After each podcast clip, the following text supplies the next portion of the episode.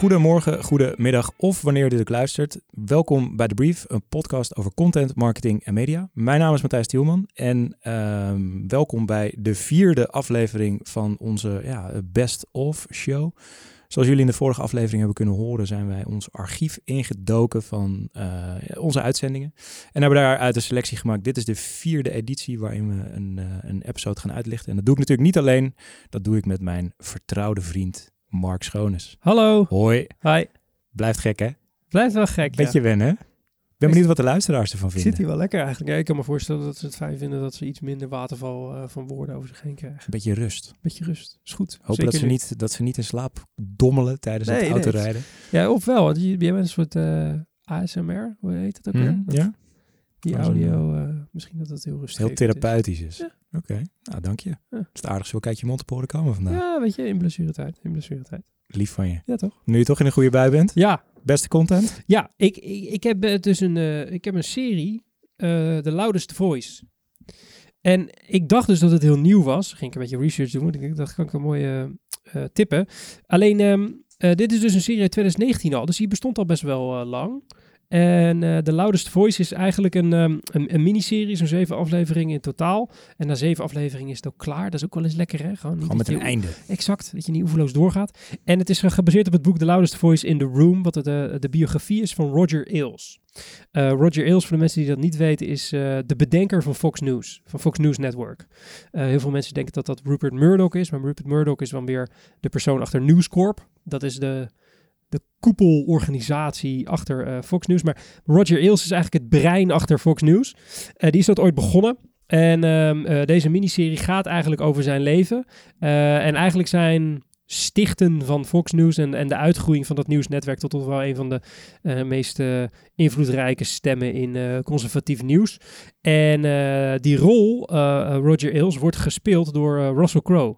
Wat je in het begin nou, ik had in ieder geval niet zo 1, 2, 3 door. Want hij heeft, uh, nou, ik weet niet of het een vetsuit, hij zal een vetsuit aan hebben. Maar ja, dat eet je er niet even bij. Dan nee, nee, nee. De, maar het, ze hebben het echt goed gedaan. En uh, zijn, hij doet zijn stem en mimiek. En uh, hij doet het echt fantastisch goed. Hij heeft ook een Golden Globe gewonnen dit jaar ervoor, zag ik net. En um, het geeft gewoon... Kijk, je weet natuurlijk met dit gedramatiseerde spul... het is ook van Showtime. Nou, die is ook wel bekend om de wat groteskere... Uh, series. Je weet natuurlijk nooit wat er exact allemaal van waar is. Maar ik heb wel een aantal feitjes zonder al te veel weggegeven, weg te geven. Een beetje uitgedokterd. De schandalen die er allemaal in voorkomen. En die zijn vrij goed gedocumenteerd door de jaren heen. Dus uh, het lijkt wel alsof uh, het redelijk waarheidsgetrouw is allemaal.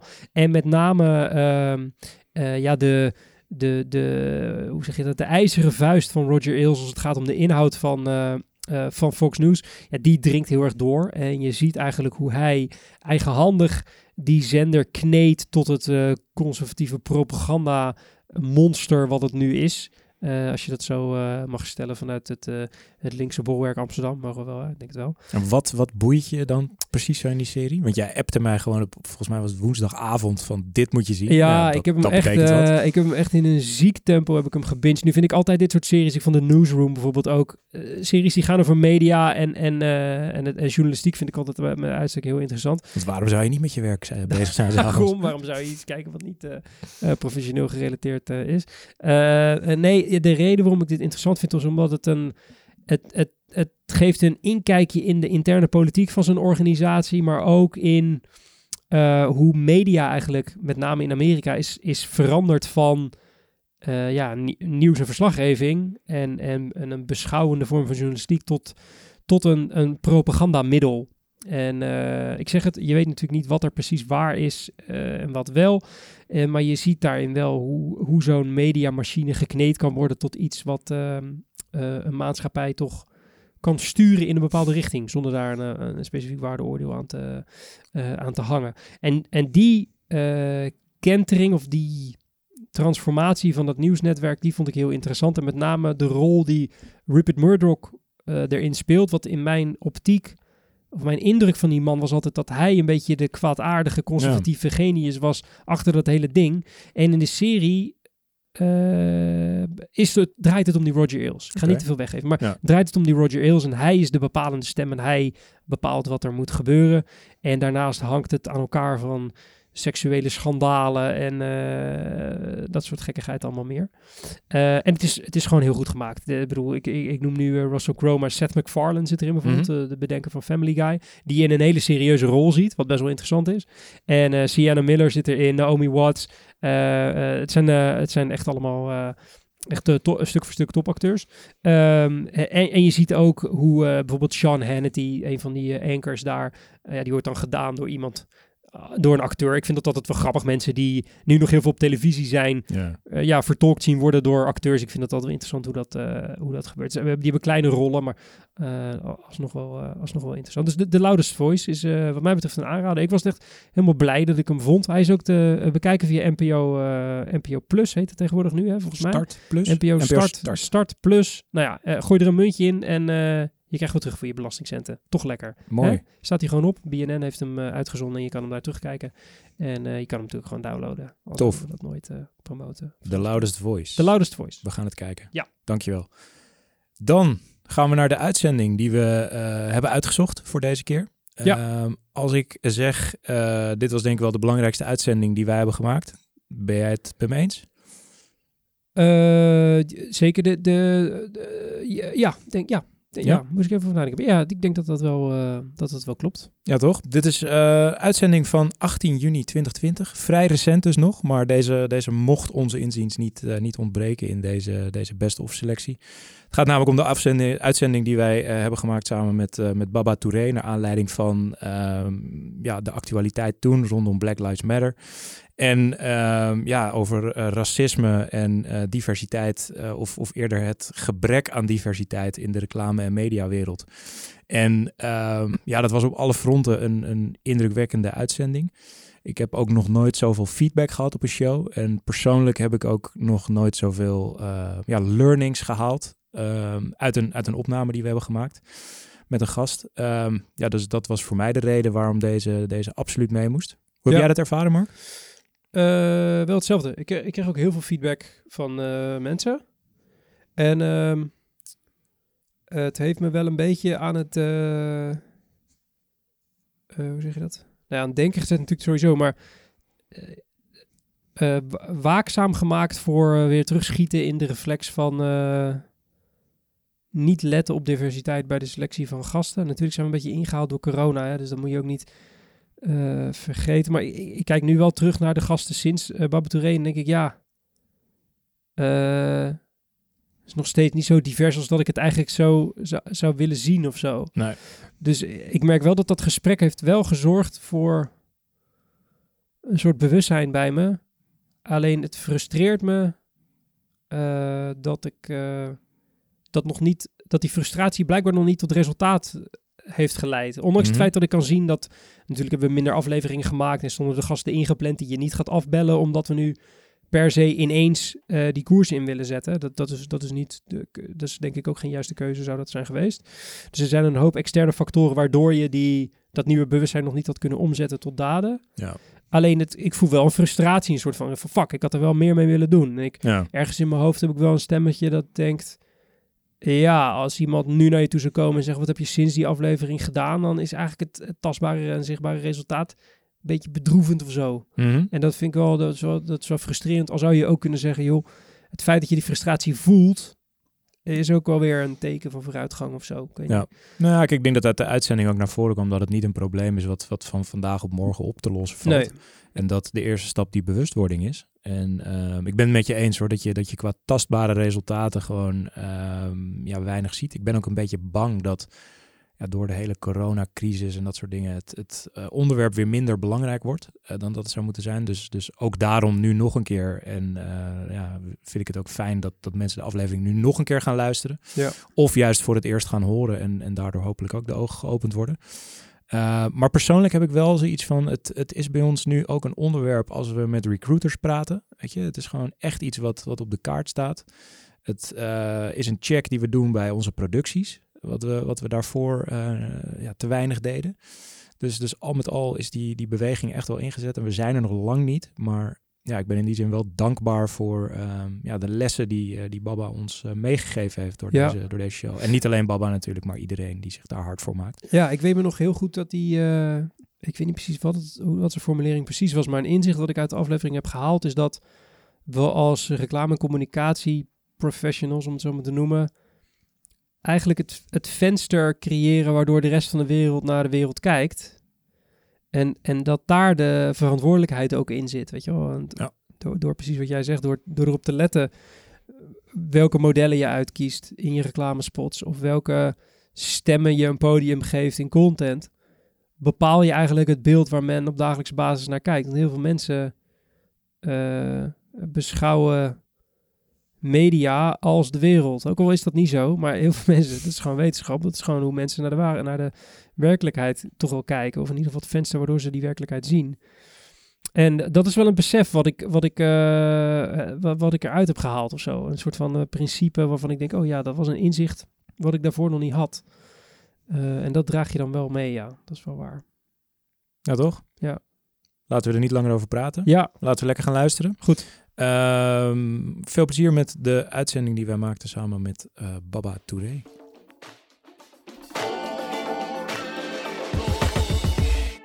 Zoals gezegd, tegenover ons zit een gast, eh, eh, zoals iedere aflevering van de Brief. Eh, en dat is in dit geval co-founder en managing director bij Hammerfest, Social Creative Agency. We hebben het over Baba Touré. Baba, hoe is het met je? Goed. Heb je een Ja. beetje, nou ja, het is de vragen naar het bekende weg, maar was het een, eh, een fijne week voor je? Het was een eh, hele heftige week. Ja, Dus het gaat wel goed. Ik ben wel echt moe. Dus ik ben echt eh, gesloopt eigenlijk. En al sinds vorige week. Maar het was wel een goede week. Omdat ik wel het gevoel heb dat we nou, eindelijk een beetje de boel in beweging hebben kunnen zetten. Of mensen ook hebben kunnen wijzen op wat er nu speelt. Of hun ogen hebben kunnen laten openen. Dus ehm, ja, in die zin goed. Maar het was wel intens. ja, dat kan ik me voorstellen. Ja. Eh, we zullen straks, eh, eh, want er zitten natuurlijk mensen te luisteren die denken, Baba Touré, Hammerfest, we gaan het over een agency en dan gaat weer zo'n directeur zijn bureautje zitten pluggen. Daar gaan we het niet over hebben. Misschien helaas voor jou of misschien juist niet. Aan het einde mag je jezelf alsnog wel even pluggen. Ehm, eh, je zegt, ik ben, eh, ik ben moe. Als we het hebben over podcasts, ben je eh, recht, recht bekend met het medium? Is dit Ja, ontspanning voor je? zeker. Of moeten we hier nog even het laatste staartje van de maandag eh, door? Nou ja, ik ben, ik ben fan van podcasts. Ik moet zeggen dat ik eh, eh, ooit podcast ben gaan luisteren door jullie. Kijk, Dus eh, dat, is, eh, dat is een mooi compliment. Absoluut. Ja, dank je. En ehm, ik denk dat dat een jaar of vier geleden was. Klopt. Toen dacht ik, Was je er vroeg bij in die zin? Ja. eh, ik dacht ik moet meer weten over het vak. En eh, dat komt met die podcast. Ja, Dus dat was heel fijn. En nu luister ik heel veel podcasts. Dus ik luister elke dag, eh, eh, elke ochtend eigenlijk. Als ik naar kantoor ga normaal. Ja. Nu ook weer, maar eh, een podcast. Dus dat is heerlijk. ben je wel eens de gast geweest? Ook. Oké, dus Ja. dit is eigenlijk gewoon een vorm van ontspanning. We kunnen hier eventjes... Ja, ah, maar nog nooit zo in de studio. Ah. Dus het is bij jullie wel echt eh, professioneel. Kijk, dat doen we allemaal om te verbloemen, hè? Dat het eigenlijk gewoon een amateuristische band is hier. Eh, nou ja, welkom in onze studio. Eh, we gaan eh, straks verder met je praten. Maar eerst even dit. Goed, we zijn nog steeds in onze mooie corona-proof studio. Plexiglas ertussen, alles hartstikke mooi geregeld en COVID-compliant, heet het zo hè, in mooi Nederlands. Ehm, eh, zoals Matthijs net al zei, eh, Baba, je bent de allereerste gast met een kleurtje, om het zo maar te zeggen. En dat zeg ik tegenwoordig met oprechte schaamte in mijn stem. Nu besef ik, enerzijds schiet ik dan in mijn hoofd in de reflex, dit moet niet over ons, over Matthijs en mij gaan. Het gaat eigenlijk over jullie. Dat is een reflex die je in je hoofd maakt. Maar de afgelopen weken ben ik eigenlijk tot de conclusie gekomen dat dit juist wel ook over ons gaat. Eh, en dat maakt dit dus eigenlijk bijna ook een soort eh, reis voor eh Matt en mij op zoek naar antwoorden en verklaringen en dergelijke. Ehm, nu voor de mensen die zitten te luisteren en jou met name kennen als, als founder van, van Hammerfest, moeten we denk ik eventjes inkleden waarom jij hier nou zit. Eh, Ja. Los van de kleur van je huid natuurlijk. Ehm, jij schreef, schreef een stuk op, eh, op LinkedIn. Ja. Ehm, dat stuk had de titel Racisme. En in dat stuk verwijs je naar een, ehm, eh, naar een conference call die er was met 40 vakgenoten. Die ging over het onderwerp racisme en diversiteit. En daarin schrijf je dat je een beetje ontredderd, gefrustreerd en enigszins verdrietig die call verliet. En vervolgens heb je in dat stuk uiteengezet hoe je nou, gedurende je leven eigenlijk eh, te maken hebt gehad met dan wel bewust, dan wel onbewust eh, eh, racisme. Ik was benieuwd, wat is er precies in die call gebeurd, gezegd? Ja, er is een call opgezet door een, een bureau in Amsterdam. En die wilde iets doen rondom het onderwerp racisme. En die vroeg mij en een paar andere vakgenoten ook van... hey, eh, vinden het interessant om daarover mee te denken, om daarover gedachten te wisselen? Toen, ehm, dat werd op vrijdag geïnitieerd. En op maandag, vorige week maandag, was die call. En eh, bleek het groepje iets uitgebreider te zijn dan initieel het geval was. En waren het ongeveer 41 mensen nu. En eh, van die 41 mensen waren er, ik geloof, een stuk of 6, 7 mensen van kleur, met een kleur. En eh, de rest was wit. En ehm, er kwam een gesprek op gang, waarbij je heel erg merkte dat, ja, dat het begrip er eigenlijk niet was. En ook het, de urgentie van het probleem niet altijd voor iedereen duidelijk was. En ook Zelfs nu niet. ja, zelfs nu niet. En ehm, nou ja, vorige week maandag niet. En eh, de urgentie van het probleem niet voor iedereen duidelijk was. Iedereen ook niet echt door had wat haar of zijn rol daarin was. En eh, misschien nog wel meer ook eh, het besef wat voor impact racisme heeft op het leven van mensen. Die ontbrak. En Waar, waar, waar, merkte je dat aan? eh, dat merkte je aan opmerkingen die werden gemaakt, eh, aan de gesprekken die op gang kwamen. En ehm, dat was echt heel frustrerend. Dus ik, ik hou er altijd wel van om juist ook met zo'n onderwerp, maar überhaupt eh, heel goed te kijken naar welke woorden ik gebruik en hoe ik iets overbreng. En dat lukte me niet. Dus ik had gewoon een trillende stem voor nou, 40 vakgenoten. En ehm, dat was gewoon pure emotie. En ik zat daarna ook echt, en dat zag je bij eigenlijk iedereen van kleur die in die call was, deelde die emotie ook. Dus je zag ook daarin van, nou, dit, dit, dit is gewoon echt een probleem, wat nu eigenlijk waar iedereen, waar iedereen mee geconfronteerd wordt, wat ja, voor ons eigenlijk al heel lang een probleem is. We En- kennen niet anders. En was het dan eh, dat men het, eh, het probleem bagatelliseerde onder de zo vaak gehoorde eh, opmerkingen? Of Ja, wat, wat, wat werd er dan? Dus Kan je was het het, expliciet, kan je het expliciet maken? Nou, er werd eh, gevraagd van, hey, wat, wat, wat kunnen we daaraan doen? Waarbij ook de gekleurde mensen het gevoel hadden van, hey, eh, hoezo vraag je dat eigenlijk aan ons? En hoezo gaan jullie ook niet eerst bij jullie zelf even te raden? van, hey, wat is het probleem? Wat is mijn rol binnen dat probleem? En om vanuit daar daarna het gesprek aan te gaan. En ehm, ja, ik denk dat heel erg ook het, het, gevoel heerste bij de mensen van, hey, eh, racisme bestaat wel in Nederland. Tenminste, ik denk dat de meeste mensen die in die call zaten dat wel door hadden, want anders zit je niet in die call, denk ik. Maar eh, niet het besef hadden welke rol ze zelf spelen in dat systeem dat racisme in stand houdt in Nederland. Het onbewuste element. Het van, on- eh, Precies, want iemand zegt, ja, maar ik ben niet racistisch.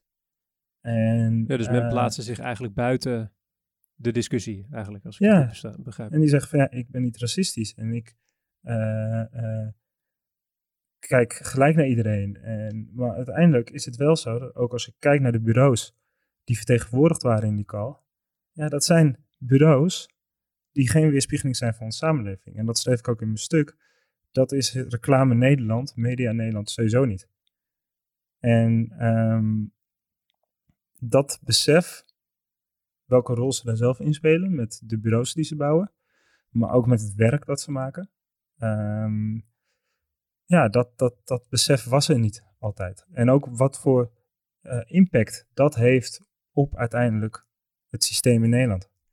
Hoe, hoe, verliep, hoe verliep de call verder? Ik, ik, je zegt, ik, ik kreeg zelf een, een trillende stem, Ja. waar, waar, waaruit ik concludeer dat je waarschijnlijk niet heel veel eh, kon Ik zeggen. kon niet heel goed mijn punt maken. Nee. eh, eh, En nou, dat vond ik vervelend, want ik had zoiets van, ja shit, weet je, helemaal bij zo'n onderwerp die je zo dichtbij staat, dan wil je het gewoon goed doen. En dan wil je gewoon precies kunnen verwoorden wat je denkt of wat je voelt. En dat lukte me niet, omdat de emotie de overhand nam. En wat ik net ook al aangaf, van, hey, dat gebeurde bij meer mensen met, met kleur in die call. En je merkte ook dat, nou, het was een ongestructureerd gesprek. Eh, en ik denk dat het ook wat mee te maken had dat het zo'n onderwerp betrof. Ik merkte ook dat een Zoom-call voor zo'n gesprek. ja, Niet optimaal. hè? nee, is niet optimaal. En, ehm, eh, eh, maar ik ben wel heel blij dat het gesprek geweest is. En ehm, omdat het gesprek, denk ik, ondanks dat het maar 40 vak, 41 vakgenoten waren in die call, heeft het gesprek wel heel veel andere dingen in gang gezet binnen de branche of bij individuen. En ehm, eh, ik denk dat dat goed is geweest. Ja. Nu, denk je dat dat eh, kwam door die call of door het stuk wat je hebt geschreven? Nou, ik denk dat. eh, ja, dat weet ik niet. Ik denk dat mijn stuk wel heeft bijgedragen. Dat zeker. Maar ik denk dat naast mij hebben ook andere mensen hun ervaringen gedeeld. En Ja. dat heeft ook bijgedragen. Heb, heb, je, heb je contact gehad met, eh, je hoeft niet eh, eh, man en paard te noemen, dat, dat, is, dat is niet zo chic, denk ik. Maar heb je contact gehad met de organisatoren van die call? Om, Ja. om, om- wat, wat zeiden Ja, ze? ik heb zowel daarvoor als daarna contact gehad met de organisatoren van die call. En ehm, ja, die gaven ook aan dat dat besef er nog niet was. En eh, hoe groot eigenlijk het gegeven is waar we mee te dealen hebben en wat voor impact dat heeft. En, eh, eh, en hun rol daarin. Dus dat, dat, dat besef is er, gaven ze aan wel daarna. Ja, Heb je ook nog negatieve reacties gehad erop? Of, of was bij iedereen die ronduit? call? Ja, Nou, ik denk dat iedereen best wel schrok. En dat, er zaten ook best wel wat mensen in die ik kende persoonlijk. En die zagen ook van, nou ja, wat het met mij deed, wat het met andere mensen deed. En ehm, die avond, het was vorige week maandag, ik geloof dat die om vijf uur was.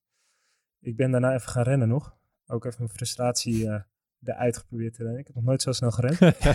persoonlijk record. Persoonlijk record. en ehm, daarna stond mijn telefoon rood gloeiend. En heel veel verschillende mensen uit die call die daar nog over wilden praten. Die eh, eh, nog verder over het onderwerp door wilden praten. En ehm, ja, dat is denk ik wel goed. Alleen het is wel van, ja, maar het werd in die call zelf niet erke- erkend door iemand dat, dat ze zagen dat je er moeite mee had. ja, dat werd wel erkend. Of dat zagen ze ook wel. Dus dat, dat, zag, dat was gewoon duidelijk voor iedereen. Ja, maar het werd niet benoemd, dat bedoel ik meer. Nou, het werd wel benoemd. Alleen, ja, ik moet zeggen dat eh, het was een eh, hele bijzondere call. En ik kan ook niet alles reproduceren, omdat ik gewoon best wel echt in mijn emotie zat Ja. tijdens die call. Ja, dat kan ik me voorstellen. Althans, dat kan ik me niet voorstellen. Ja. Maar ik kan me wel voorstellen dat je dus daar nog vol zit met emoties, dat je dan eh, niet helemaal meer weet wat er gezegd werd. Eh, wat we wel weten wat je gezegd hebt, is wat er in je stuk staat, want dat Ja. staat in het stuk. Ehm, je, hebt, je hebt kort na die call heb je eh, dat stuk geschreven eh, op LinkedIn. Laten we eens beginnen bij het begin. Hoe, hoe is dat stuk ontstaan? Want je, je Ik, ik wilde al iets schrijven. Ik, ik, eh, ehm, toen de discussie, of toen het gesprek in Nederland op gang kwam over dit onderwerp, toen dacht ik al van ja, shit, ik wil hier wel iets over publiceren. Of nou een Instagram post is of een LinkedIn bericht. Ehm, en ik was heel erg op zoek naar de vorm. En ehm, ik vond het ook heel lastig. Dus ik zat er ook een beetje mee in mijn maag. En ik dacht van ja, ik wil sowieso wat van me laten horen. Alleen wat of hoe of dat, dat, dat, daar zat ik echt mee. En toen was die call geweest. En toen lag ik dus s'avonds in mijn bed. Toen kon ik niet slapen. En toen zei mijn vriendin van, hey, schrijf het even uit. Toen dacht ik van, ja, dat is geen gekke. En toen heb ik het uitgeschreven. En ik heb het de volgende ochtend nog een beetje geredigeerd, dat er geen spelfoutjes in stonden. Alleen, ehm, eh, toen ging het, o- het verhaal ook heel makkelijk eruit. Omdat het gewoon heel, ja, die emoties zat daar nog op dat moment. En eh, ik kon het ook eh, eh, heel goed plaatsen in hetgeen waar ik dagelijks mee bezig ben. En dat is ja, reclames maken. zou, zou je kunnen stellen dat die eh, call bijna een soort vertegenwoordiging was van de, de, de, het probleem in de industrie? Ja, Heb je het zo, zo ervaren? Ja. ja. Wa- en was ook het- heel erg het, het, het probleem van, hey, eh, ja, en niet de urgentie ervan inzien. En eh, niet de eigen rol erkennen ja. die je hebt. En de macht die je hebt met hetgeen je aan het doen bent.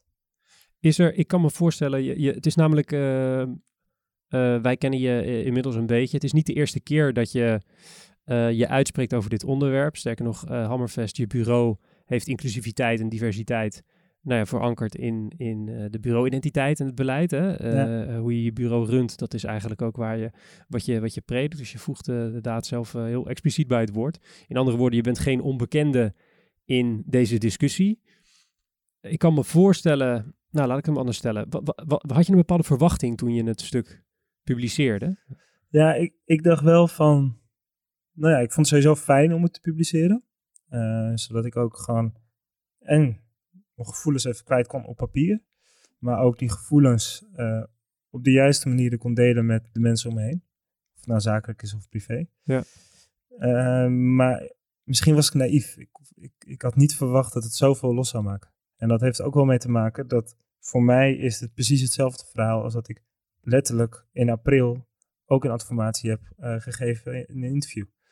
En ehm, dat vind ik lastig, omdat ik toen dacht van ja, jongens, weet je, uh, ik en ook anderen met mij roepen dit al langer. Van dat we als branche uh, uh, daar nog lang niet zijn. En dat echt gewoon, dat de, dat de urgentie is om daar echt mee aan de slag te gaan.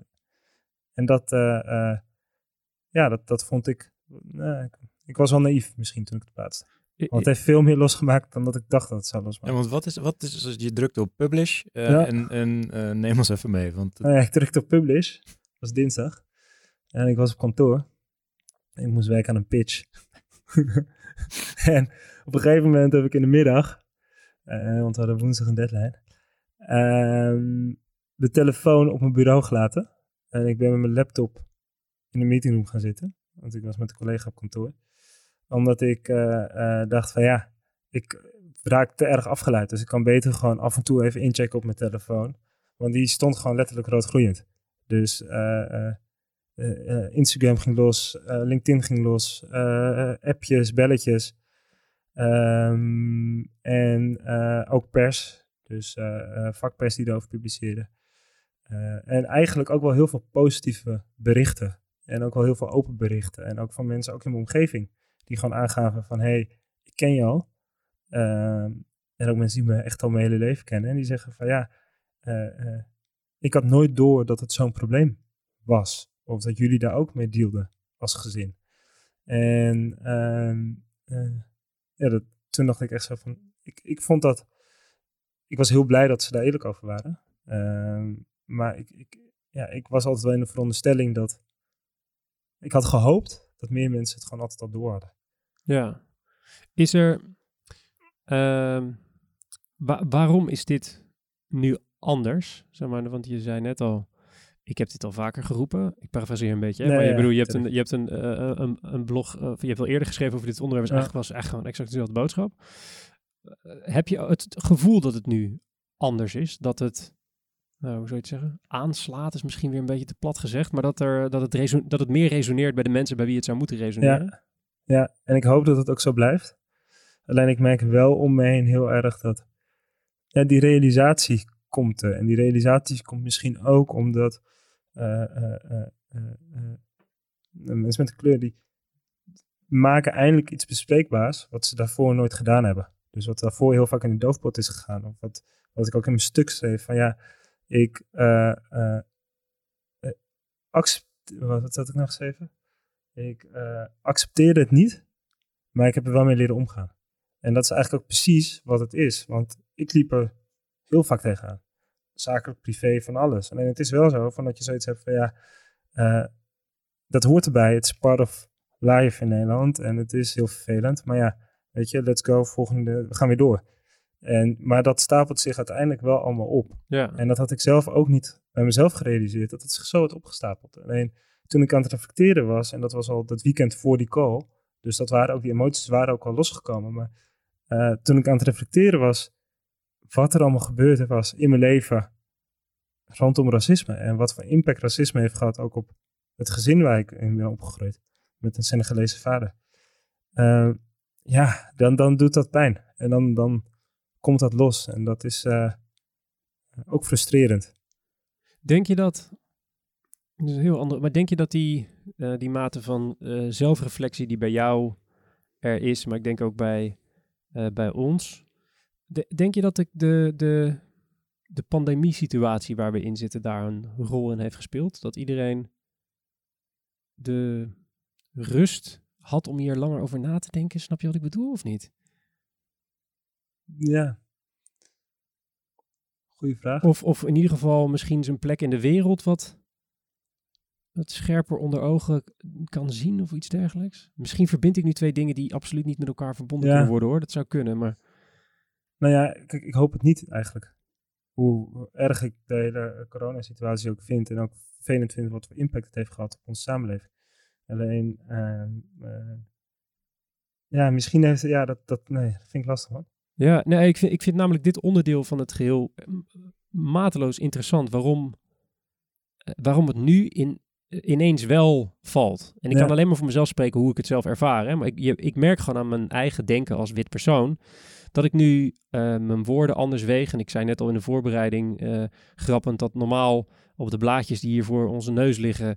staan drie steekwoorden eh, per heel interview. En voor de Ja. rest babbelen we onszelf er meestal doorheen. En nu staat iedere vraag uitgeschreven, omdat ik voelde dat woorden Ja, ertoe doen. Dus ik voelde mezelf, mijn eigen denken en doen, dat daar een verandering in is plaatsgevonden. En ik, ik vraag me af waar, hoe, hoe dat momentum ontstaat, waarom dat dan nu wel zo is. Maar, maar Nee, jullie hebben het thema zelf ook wel eens behandeld. Ja, zeker. eh, ja. In de podcast. Ja, Met ja, bijvoorbeeld. ja. Ja. zeker. Ja, Dus het is maar- wel bespreekbaar gemaakt. Absoluut. Ja, alleen eh, als je er dan over nadenkt van, van wat hebben we vervolgens gedaan, weet je. We hebben het gesprek gevoerd, eh, wat goed is. Dus we, we hebben het erover, we delen dat met, met onze industrie, met, met onze Ja. collega's in de business. Maar aan de andere kant, ehm, ja, wat hebben wij vervolgens zelf gedaan? Ehm, Meer witte mensen uitgenodigd. Ja. Toch? Als je, Ja. plat, als je je, wel, als je plat slaat. Nou, en, en dat. En, en er nooit over nagedacht dat het zo was, weet je wel. En, en dat is, ja, de, de heftigste, het heftigste besef wat ik zelf heb gehad. Waar, waar, waar je tegenaan loopt van, waarom gebeurt dat? Weet je wel? En, en ehm, ja, dat vond, ik, dat vond ik moeilijk. En, en eh, daarom ben ik ook blij dat we het er nu gewoon zo over kunnen hebben. En, en inderdaad, is dat besef is de allerbelangrijkste stap. En vervolgens kan je gaan werken naar een oplossing. En, eh, Ja. Is er, is er eh, Baba, bij, bij, jou, bij jou een, een mate van argwaan over de manier hoe het nu ineens wel bespreekbaar lijkt misschien? Ik kan me namelijk ergens indenken dat eh, precies wat je zegt is namelijk waar. We hebben het in deze show, om dit eventjes als voorbeeld te nemen, er vaker over gehad en niet naar gehandeld. Nu hebben we het er weer over. Jij hebt het al eerder gezegd op verschillende plekken. Is er weinig veranderd? Bijna eigenlijk helemaal niets. Speelt ergens jou, jouw argwaan, is dat misschien het juiste woord? Ik weet het niet, maar ehm, hou je een slag onder de arm? We hem zo even stellen, als het gaat om verandering. Nou ja, ik, ik eh, eh, ben wel positief ingesteld. Dus ik hoop het niet. Ik hoop dat het ook echt nu een verandering is. Ja. Alleen, ehm, eh, ik snap je vraag wel. Want het is wel zo dat ik wel denk van, oké, is het geen trend eh, waar iedereen nu op inspringt en zelfref- zelfreflecterend doet. En eh, over twee maanden is iedereen het weer vergeten. Ja, exact. En dan gaan we weer door als vanuit. En dat is wel iets waarvan ik denk van ja, ik hoop echt dat, dat het besef ook nu echt is dat we dit gewoon structureel in onze samenleving moeten oplossen. is, dat, is dat een Hoe sentiment, pijnlijk het ook is. is dat een sentiment dat, dat openlijk gedeeld wordt door Heel andere... veel, ik, wel meer mensen denken er zo over. Ja. ja. ja, maar ik denk en ook... ik, ik kijk, het punt is ook van, eh, eh, ik voer deze strijd, om het zo maar te zeggen, eh, nu een jaar of vier. En eh, bewust. En daarvoor onbewust ook wel, maar be- dat ik bewust me zo over uitspreek en daarmee bezig ben, doe ik misschien een jaar of vier. Ja, als je deze strijd al 25, 30 jaar voert. En in die 30 jaar zijn er dingen veranderd, maar zijn er heel veel dingen ook niet veranderd. Ja, dan snap ik wel dat je nu zoiets ook hebt van, ja, jongens, eh, dat zeiden jullie vijf jaar geleden ook, Ja, of ja. tien jaar geleden ook. Zie, heb, heb je al een idee wat er structureel zou moeten veranderen? Zeg maar, de, de eerste stappen die we als industrie zouden moeten zetten om, om tot die oplossing te gaan komen? Als industrie. Ja. Ja. Ehm, ik denk heel erg in de spiegel kijken. En ook heel erg gewoon naar je bureau kijken. Eh, om je heen en kijken van, hey, hoe ziet mijn bureau eruit? En is dat een weerspiegeling van de samenleving? En hoe komt dat? En eh, eh, toevallig heb ik ook even weer het podcast met Arno teruggeluisterd. Want ik had hem al geluisterd en ik dacht van, ik ben toch wel benieuwd wat hij toen precies gezegd heeft. Maar ook wat hij zei van, hey, hoe communiceer je als bureau? En we wachten als bureaus heel erg af vanuit van, hey, ze kan wel bij ons solliciteren. Maar misschien is dat ook niet de oplossing. Als je echt wil veranderen als bureau. En moet je er ook op uitgaan om dat talent te vinden. En ook dat divers talent te vinden. En vind je dat de- divers talent niet eh, eh, eh, op de vuur in Amsterdam, om het zo maar te zeggen. Maar vind je die divers talent wel in andere wijken van Amsterdam. En dat is denk ik, of Nederland. En dat is denk ik wel iets waar we ons bewust van moeten zijn. En dat dat ook geld kost. Ja. Nou, dat is ook mij ook het meest Ja, bijgebleven van, van, ja, je moet het gewoon doen. Ja, nou dat is wat het gesprek met Arno, wat mij het meest bij is gebleven, is dat zij van, ja, maar zij willen hier niet eens werken waarschijnlijk, omdat het inderdaad, eh zij kijken gewoon naar de gezichtjes eh, Ja. op de, de, de about pagina Ja, en, en zien gewoon zichzelf daar niet in terug en Ja. kijken dus verder, weet je wel. En eh, dat. En Ja. kijk, en uiteindelijk moet je die stap maken. En eh, eh, dat kost nu geld, want dat kost je misschien ook extra tijd en effort. Alleen uiteindelijk, on the long run, levert dat wel geld op. Daar heb je ook gewoon onderzoeken van. En eh, eh, eh, zie ik dat nu ook gebeuren, eigenlijk bij hoe organisaties nu reageren op deze ontwikkelingen. Je ziet dat organisaties die divers zijn en die daar iets van aandacht aan besteed hebben, en misschien te weinig, maar die daar wel iets aan aandacht aan besteed hebben, die zie je al reageren. En je ziet organisaties die niet divers zijn, die zie je nog niet reageren. Of die zijn nog bezig met een reactie, of die hebben al gereageerd, maar die hebben zich heel erg tegen de vlakte gehouden. En waarom komt dat? Omdat die, denk ik, het besef niet hebben van wat dit nou precies is. En ook bang zijn om te handelen en bang zijn om het verkeerde te doen. En dat is ook wel iets wat ik heel erg om me heen zie in de markt. Eh, eh, iedereen is onzeker daarover. En ik denk dat dat eh, ook goed. Nou, je moet daar doorheen. En je, eh, eh, het is ook goed om nu onzeker te zijn, maar doe wel iets. En dat is ook wel iets waar ik zelf tegenaan loop als ik met mensen nu om me heen dit gesprek voer. Dat mensen aan jou vragen wat ze moeten doen, bedoel je? Ja. Ja, ik kan me wel... Ook mensen die ik gewoon nog nooit eerder heb gesproken. Die me dan vragen of ze even kunnen bellen. En heel kwetsbaar zich naar mij opstellen. Dat ze niet weten wat ze moeten doen. En dat ze daarmee met hun handen in hun haar zitten. Maar dat ze wel heel goed doorhebben dat wat ze nu aan het doen zijn, dat dat niet het juiste is. vind, ik- vind ik in die zin wel bijzonder, want ze stellen zich dus heel kwetsbaar op naar jou. En, en eh, het zijn allemaal merkdenkers die Ja. ook zouden denken van, nou, wees echt. Is volgens mij iets wat, wat je als merk ook vaak te horen krijgt. En dat ze dat dan in die situatie over hun eigen merk gewoon niet zo goed durven. Dat ze dan heel erg gaan zoeken en, en in stilte vervallen. Ja, In plaats van dat ze eh, ja, gewoon ervoor uitkomen dat ze het niet zo goed weten, maar dat ze wel onderdeel willen zijn van de verandering. ja. En, en ehm, over hun eigen merk, maar ik denk ook over hun eigen persoon. Wat- omdat kan, het- kan je dat dus uitdiepen? Wat bedoel je dan? Nou ja, ehm, eh, ze zijn dan onzeker omdat ze in een organisatie zijn die niet divers is. Mhm. Dit was toevallig vandaag die ik sprak als een organisatie van 60 personen, waar maar twee mensen met eh, eh, eh, twee mensen van kleur waren, om het zo maar te En dat, dat twee op 60. Dat is, vind ik heftig. En ze realiseerden zich dat ook. Maar ze had nu ook van, oké, maar en nu? En ja, buiten het feit dat ik het wel fijn vind dat ze zich zo kwetsbaar opstelt, heb ik ook wel zoiets. Ik denk van, hey, je moet het ook gewoon gaan fixen. Je moet het ook gewoon gaan doen. Want anders komt die veranderingen niet. Begin met je eerste stap. Precies. Ja, En dat wilde die persoon in kwestie ook wel. Mhm. Dus eh, eh, dat zeker. Alleen, dat is wel wat ik denk eh, als ik omheen kijk. Juist. Dus ja. Ja, want ik, je, je legt dan natuurlijk eigenlijk weer de verantwoording voor het verzinnen van een oplossing eh, bij degene die het probleem niet is. Precies. Dat is eigenlijk wat je zegt, toch? Ja. Ja. Ja, ik, ik, ik En dat was dus ook wat tijdens die call heel erg naar voren kwam. Ja. Ja, wat kunnen we voor jullie doen, zodat jullie je weer fijn gaan voelen in iets? Ja, of wat, Ja, wat ja. moeten we doen? Ja, precies. Ja, En eh, eh, ja, ja terwijl die, die... Ik ken, ik ken dit gevoel namelijk. Ik kan me heel erg... eh, ik kan me dat gevoel van die mensen in die call heel erg, dat kan ik heel erg voelen, hoe die zich voelen. Waarschijnlijk omdat ik eh, dezelfde kleur heb. Dat je eh, in deze periode heel erg geconfronteerd wordt met je eigen gebrek aan zelfreflectie op dit onderwerp als wit persoon. Ja. Omdat je eh, het heel vaak erover hebt gehad, maar nog nooit echt de noodzaak of urgentie hebt gevoeld om eh, bij jezelf te raden te gaan van hoe denk ik hier nou over? Wat vind ik hier nou van? Wat is mijn rol nou precies in dit gesprek? En dat je daarom te raden gaat bij mensen die hier wel tussen aanhalingstekens heel erg mee bezig zijn, Ja. eh, op zoek naar advies. Terwijl dat advies dan is te vinden in jezelf. Eh, want die verandering die plaats moet vinden zit in jezelf.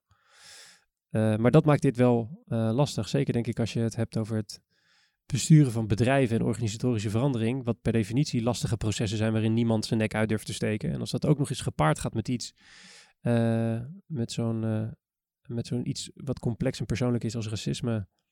Dan, dan, dan snap ik de reflex om te vragen aan, om antwoorden bij Ja. jou.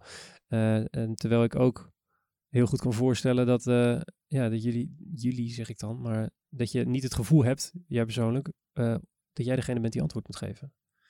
Wat is, wat is dan, probeer hem rond te praten naar een vraag. Ja, maar, Hier- maar als, als ik het is daar een beetje een wandeling door mijn eigen hoofd hoor. Ja. Maar als je, wat, wat zou een, ehm, laat ik het zo zeggen, hoe, hoe, wat is de rol die jij vindt dat jij persoonlijk dan hebt in die verandering? Vind je iets, is het dat het agenderen? Eh, laat ik het anders stellen. Wie is, er verander, wie is er verantwoordelijk voor de verandering van de situatie? Is dat één kant? Is dat twee kanten? Is dat daar? zoek- Ik vind één kant. Eh, want daar ligt het probleem nu. Ja, Eh, dat we eigenlijk geen wij zijn. Hoorde ik in de podcast vandaag, vanmorgen. Toen dacht ik van ja, ja shit, dat is. dat klopt. Nee, je hoort het ook aan hoe ik het, hoe Ja. ik worstel met mijn woorden om het, om het te, weet je, dat, ja, dat zit zo verankerd in de taal onterecht. Ja, en het, Ja. het ding is ook dat eh, jij hebt ook niet alle antwoorden, denk ik. Nee, En we zullen met z'n allen die antwoorden moeten vinden. En je gaat alleen maar antwoorden vinden door dingen te doen en daarvan te leren en dat met elkaar te delen. Ehm, en ja, maar nu- goed, Baba, als ik, jou goed, Ja. als ik je goed begrijp uh, of goed hoor, uh, zeg jij de oplossing ligt bij degene die die het probleem gecreëerd probleem veroorzaakt. Maar uh, dat neemt niet weg.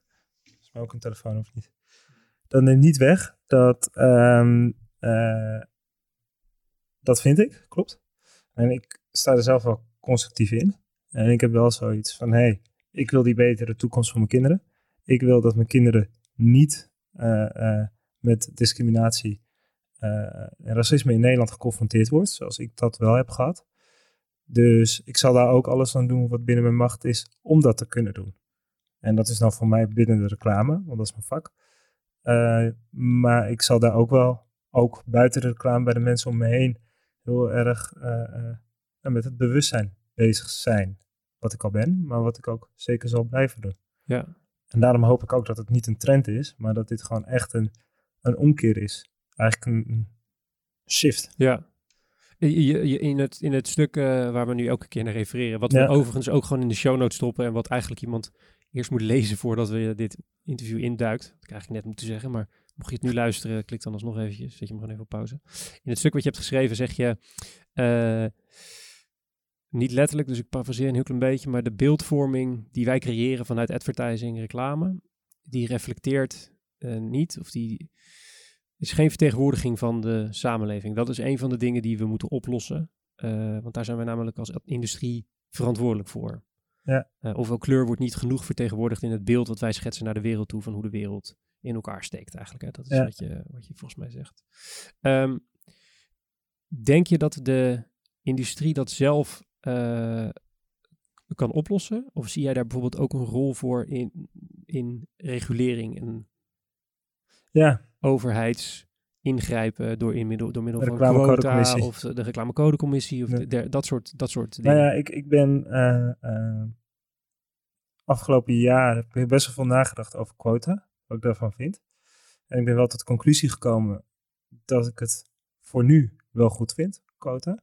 Omdat ik ook wel geloof dat we het, eh, eh, het doorheen moeten forceren, om het zo maar te zeggen. Dat mensen daarover gaan nadenken. En dat als je dat in het begin doet en je gaat een divers bedrijf creëren, je- ontwikkelt je als divers bedrijf, zal het in het begin ook niet, niet makkelijk zijn. En als je dan een quota hebt, dan hou je daarin wel een, nou, een, een, hoe noem je dat, een eh, voet achter de deur of een stok achter de deur. Alleen hetzelfde geldt eigenlijk ook voor representatie in de uitingen die we ontwikkelen. En ehm, eh, wat je nu bijvoorbeeld wel ziet, en dat was ook een artikel van NRC van een paar jaar geleden, van hey, als je kijkt naar de uitingen, zie je tegenwoordig ook wel donkere mensen. Alleen eh, eh, eh, vaak wordt gekozen voor eh, een lichtgetint iemand. Eh, want dat is, vind ik, denk ik, dat dat wordt gezien als een veilige keus. En zie je ook vaak dat eh, eh, ze niet de hoofdrol hebben. Of een bij, dat ze vaak een bijrol hebben. En de keren dat er echt een volledig donker gezin eh, eh, in het middelpunt stond van de commercial. Volgens mij heeft eh, eh, Plus dat eh, een keer gedaan. Eh, maar verder heb ik het nog heel weinig gezien. Ik moet ook eerlijk zeggen dat ik er geen enkel voorbeeld van ken. Ja, ik ken er eentje van Plus, geloof ik. Ja, iets of... of Met een man eh, eh, die. Van een man en een vrouw. En dat die man aan het trainen is. ja, en, klopt eh, ja. Die ja. op dat feest. Ja. Die dan dat pak weer moet passen. Ja, precies. klopt. Maar ja. kijk, Ja, en dat, ja. dat is dus wel van, hey, eh, eh, waarom durven merken dat niet? En waarom durven bureaus dat niet? Omdat ze bang zijn dat de Nederlanders eh, zich daar niet, de witte Nederlanders zich daar niet in kunnen herkennen in de situatie die dan geschetst worden. En eh, eh, dat is denk ik wel iets waar we doorheen moeten als samenleving. Dat dat ook normaal wordt. ja. Want Dus- de samenleving verandert ook. Dus het is nu ook gewoon zo van. eh, ik denk dat dit onderwerp alleen maar relevanter wordt. Door de jaren heen. Mijn nichtje, die heeft, ik geloof, vier nationaliteiten. Dus het is het dochtertje van mijn zus. Ja. Dus je ziet al dat het van generatie op generatie Ja. Zich doorontwikkelt. Ja, we doen, we doen eh, bij WPK, eh Ooyenpark kent moet ik zeggen, doe ik zelf. eh, doen we veel onderzoek naar jongeren. En daar zie je al een duidelijk verschil tussen eh, generatie Z en millennials in mate van eh, geëngageerd zijn, laten we het zo stellen. Op het gebied van dit onderwerp, maar ook op het gebied van gender en op het gebied van duurzaamheid en op het gebied van.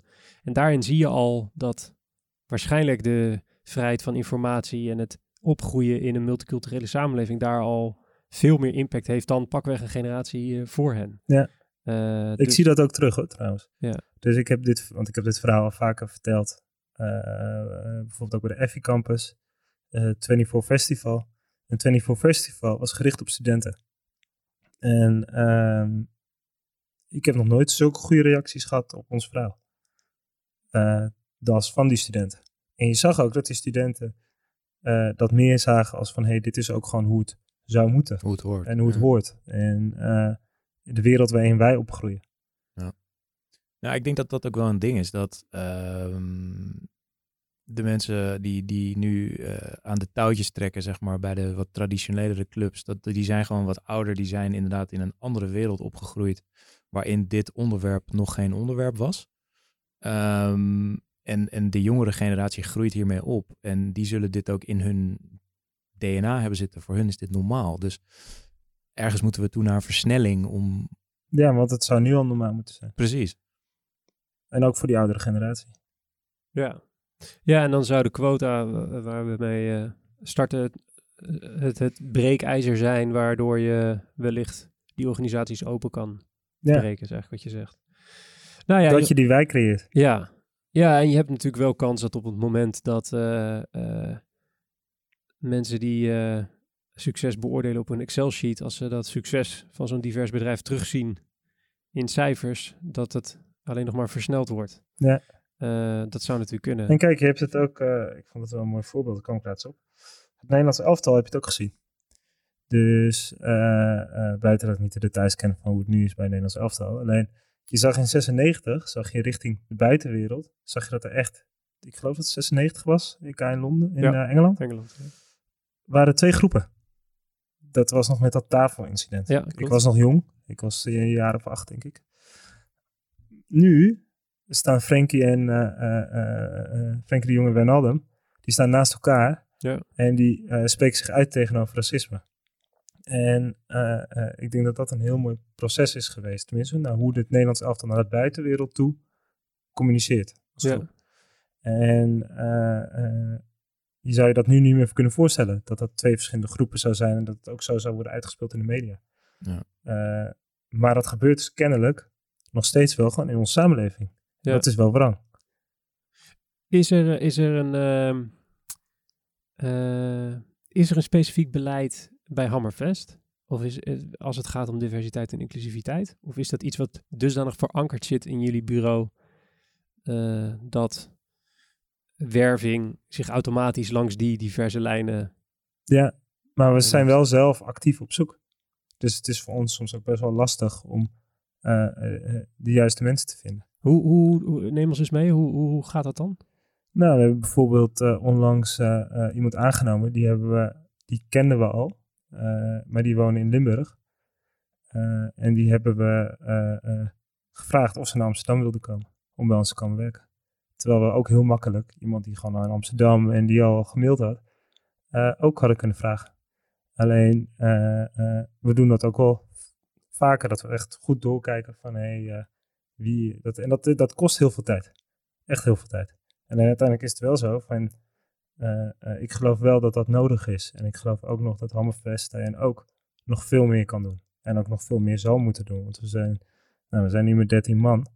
Maar als je op een gegeven moment nog verder door gaat groeien, ja, ik denk ook al dat we meer richting de scholingskant op moeten. Uh, en we gewoon echt dichter bij het talent moeten gaan zitten. Van hé, hey, waar zit dat talent?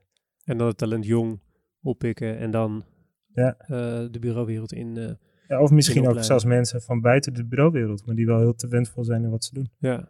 Hoe, hoe Wij zijn ook ooit begonnen. Ja, dat is waar, dat is waar. Ja, eigenlijk kan iedere boerenlul ons vak, toch? Zo kan je het zeggen. Nou, maar ja, kijk, uiteindelijk... Uh, ik was nog nooit binnengestapt bij een reclamebureau voordat ik een reclamebureau begon. En ik heb het ook al, ik heb het wiel uit moeten vinden. Doen we elke dag toch? Ja, maar het is wel gelukt. En het ja. is uiteindelijk wel zo dat als je iemand die misschien zelf nog nooit heeft nagedacht over... Want het is heel tof om reclames te maken. Weet je, we zijn met een creatief proces bezig. We zijn, tenminste voor mij is het echt mijn passie. En ik geloof ook zeker dat het ook voor andere mensen hun passie is. Alleen dat ze en soms misschien niet weten dat ze er geld mee kunnen verdienen. En dat ze die weg niet vinden in reclame. Dus, en daar zijn wij wel verantwoordelijk voor. Ook iets wat Arno trouwens ook zei, maar dat ben ik het ook volledig mee eens. Ja. Wij zijn daar als industrie verantwoordelijk voor. En zeggen van, hé, hey, ja, ze komen niet. Ik heb dat wel eens gehad, dat een reclamebureau-directeur tegen me zei van, ja, Baba, uh, een beetje een ongemakkelijk gesprek. Ja, ik, ik, weet je, we zijn eigenlijk wel op zoek naar meer mensen zoals jij. Uh, en hij bedoelde mensen van kleur. Alleen ja, ze komen niet. En toen ik bij dat bureau binnenstapte, een tijdje later, begreep ik ook heel goed waarom. Want ja, ik zou daar ook niet willen werken. Buiten dat het een heel mooi bureau is, maak ik heel mooi werk. Alleen,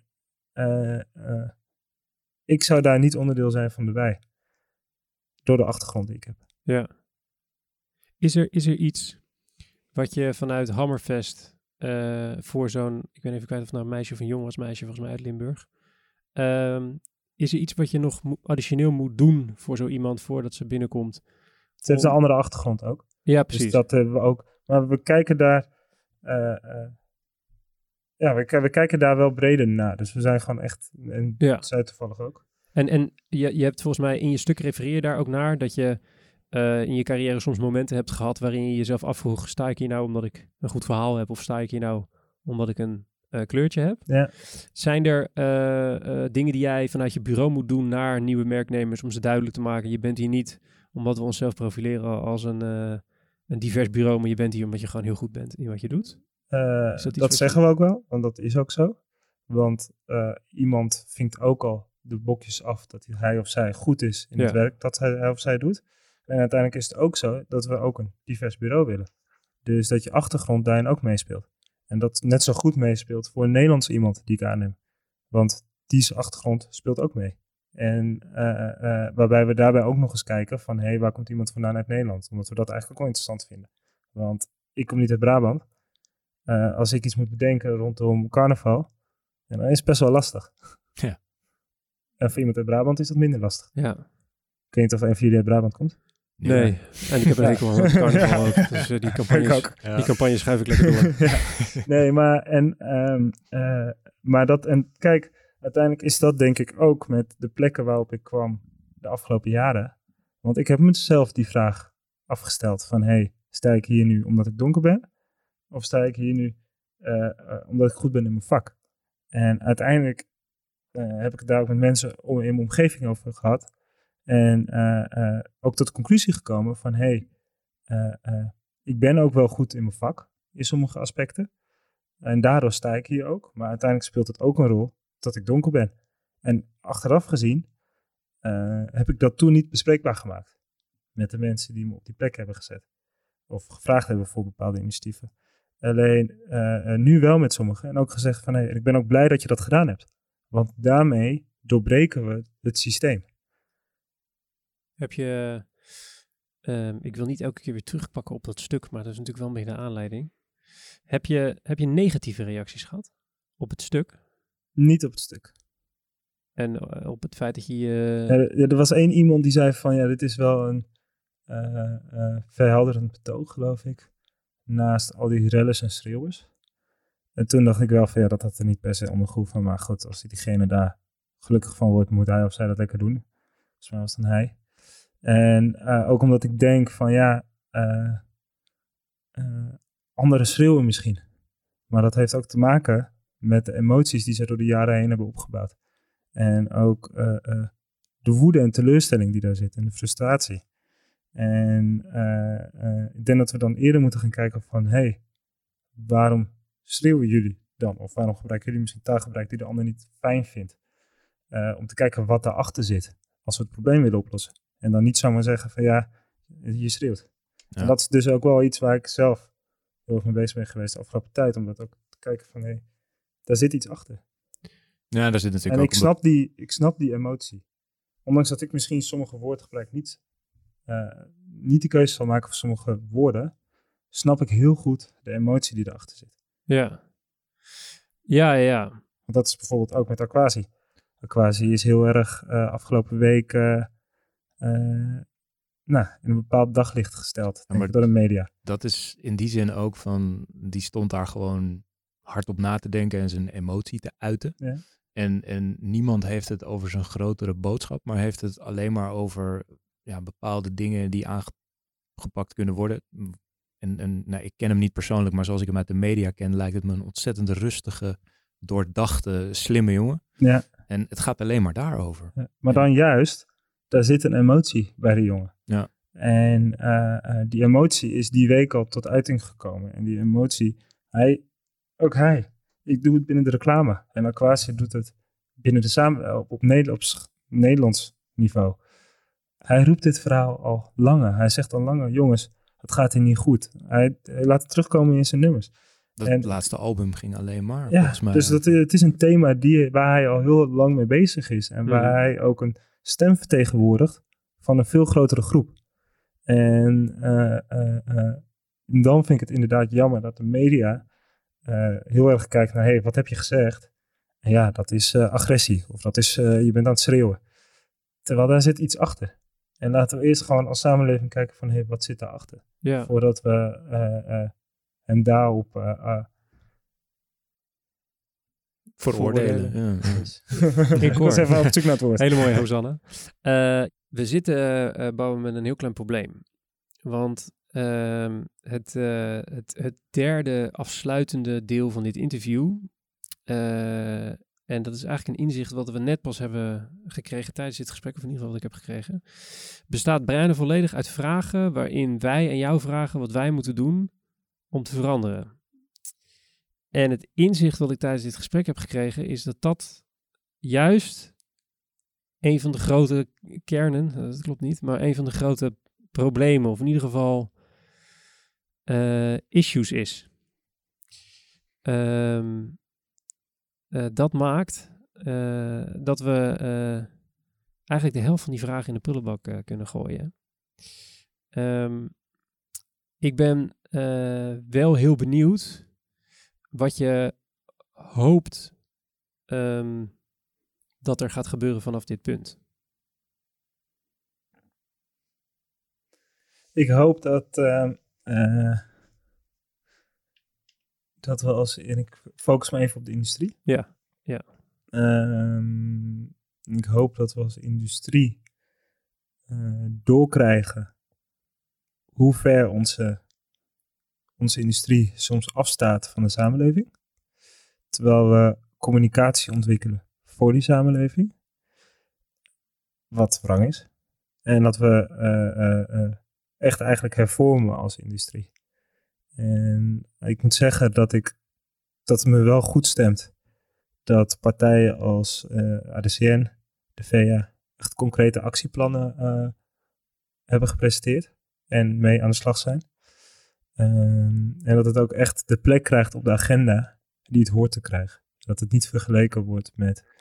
Uh, dit, dit, is een, dit is echt een probleem, vind ik. En uh, het zou ook echt zo een, echt een groot probleem.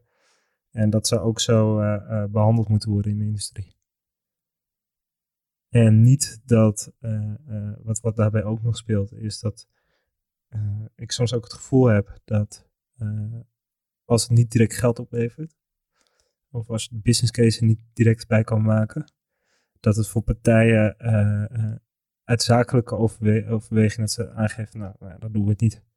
Terwijl ik ook wel echt denk dat we een nou, ook maatschappelijke verantwoordelijkheid hebben. Ja. Want tenminste, ik vind het belangrijker in wat voor wereld mijn kinderen laten opgroeien dan of ik eh, 10 of 20 euro verdien, om het zo maar te zeggen. En uh, ja, ik hoop dat dat besef bij meer mensen komt. Want echt racisme zit echt in, diep ingeworteld in onze samenleving. En we, zullen er, we moeten er, vind ik, alles aan doen, met z'n allen, om dat op te lossen. Ik, ik moet zeggen dat dat... Uh, dat die, volgens mij waren het de woorden was het het woord trend wat je net noemde. Ik ben bang dat het een trend is. Dat dat ook iets is wat me persoonlijk uh, ergens beangstigt. Uh, dat dat het uh, is. En dat je als wit persoon straks weer afgeleid bent door de tijd. En dat er weer iets anders opkomt waar je heel erg druk op maakt. En dat dus de urgentie weer een soort van als sneeuw voor de zon verdwijnt.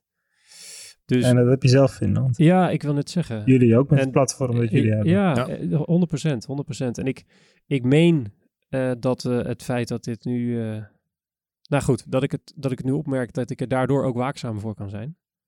en ik meen dat die alertheid, dat, dat ik die in ieder geval hiervoor nog niet heb gehad. Ik weet niet, Matthijs, hoe jij de verandering in jezelf zou typeren, maar... Nou, zeker. Kijk, het is veel bewuster, weet je wel. En, en um, het gevoel wat je altijd had van ik ben niet racistisch, um, ja, dat, dat is veranderd, weet je. Het, het is er gewoon, alleen onbewust. En die bewustwording begint nu.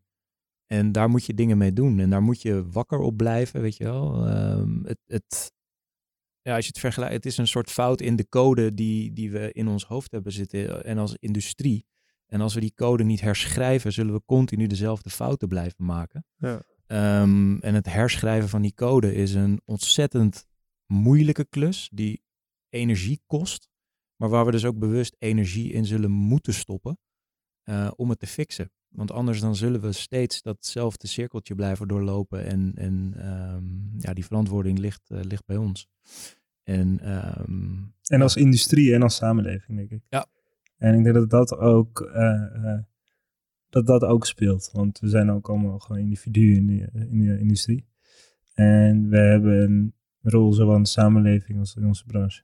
En ik denk dat je in beide heel uh, bewust moet zijn, ook van de rol die je daarin kan hebben. Ook als je er tegen uitspreekt of dat je er tegen acteert als het gebeurt. Nou, is het alleen maar die discussie wat je zegt inderdaad van de, als je een commercial maakt en, en je komt in een discussie met een klant van uh, het moet een wit gezinnetje zijn, dat je ook als bureau stelling kan nemen om te zeggen van jongens, dit is ook jullie verantwoordelijkheid. En, en ehm, ja, alleen die discussie al voeren met je klant en niet klakkeloos meegaan van, oh ja, de klant wil dit, dus ehm, doen we het zoals zij het willen. En, Nee. en eh, dat is een, een ding wat je, ja, Ja, maar ik denk ook dat de merken ook daarin hun verantwoordelijkheid moeten nemen. Ja. En dat niet nu moeten zien als, als inderdaad als trend waar ze op zitten. Maar daarbij ook gewoon heel reflecterend kunnen zijn. En kunnen zeggen van, hé, hey, eh, dit is nu de status en eh, dat moet anders. Ik zag bijvoorbeeld dat Paula's Choice eh, daar wat over geplaatst heeft op hun eigen Instagram kanaal. Met daarbij ook, en dat het voorbeeld ook van merken in de VS. Maar van, hé, hey, hoe ziet ons bedrijf eruit? En is dat een weerspiegeling van de samenleving? En dat bleek niet het geval te zijn. En oké, wat we gaan daar in beweging. En ik vind ook wel dat eh, we elkaar daar ook wel eh, op mogen aanspreken. Als dat niet gebeurt. Want als iedereen nu heel hard roept, ja, we gaan in beweging komen er tegen en we gaan het fixen. Maar inderdaad, wat je zegt, van als, eh, als het straks weer weg hebt. Omdat er. En dan voor jullie belangrijkere dingen Ja, ja precies. eh, ja. eh, eh, naar voren komen. Ja, dat, dat doet pijn, want voor mij zijn daar niet belangrijkere, Belangrijkere dingen. Nee. Want bij mij heeft het impact op mijn leven. Ja.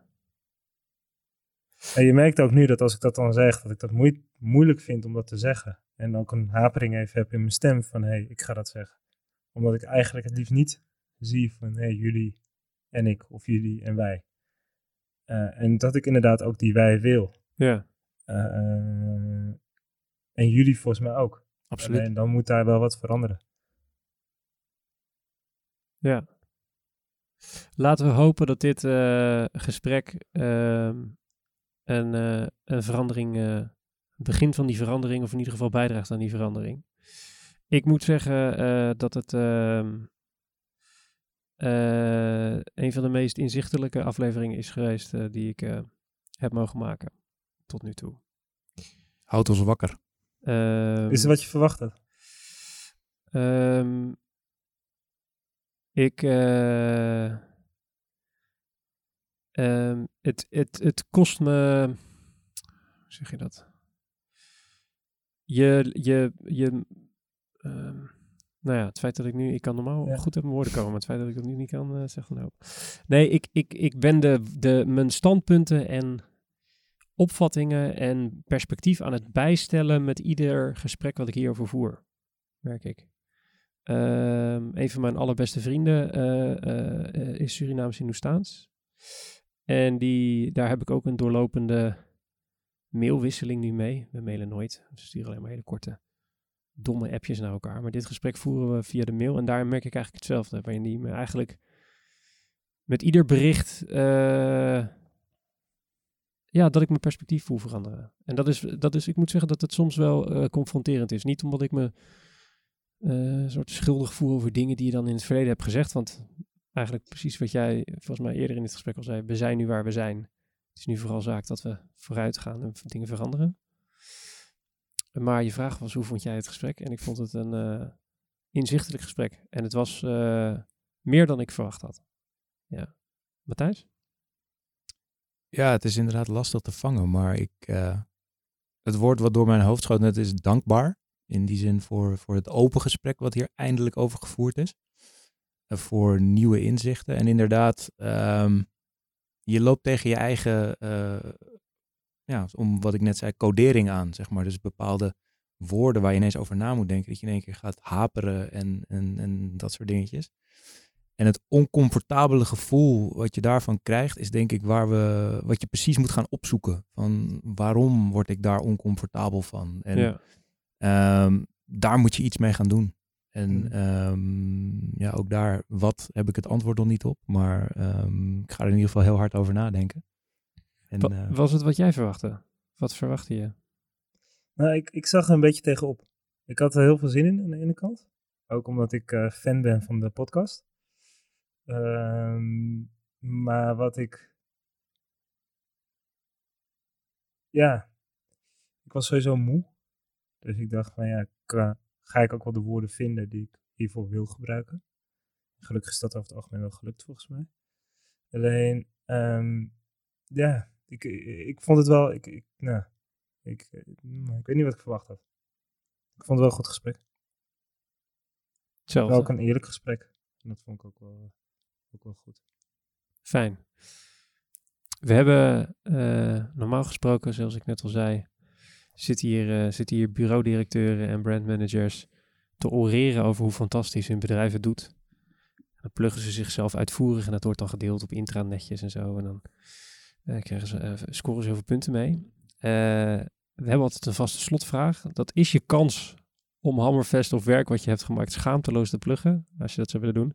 Maar het is uh, ook een plek waar je in ieder geval uh, zo'n beetje alles mag tippen wat je uh, kan tippen. Dus aan jou de laatste vraag. Wat is de beste content die je de afgelopen twee weken, mag ook langer geleden, hebt gezien, gevoeld, gehoord, geroken? Drie dingen? Mag. Oké. Okay. Wit huiswerk. dat is een Withuiswerk.nl, dat is een uh, website van wat een initiatief is van Anne van der Ven, een oud stratege binnen de reclamewereld.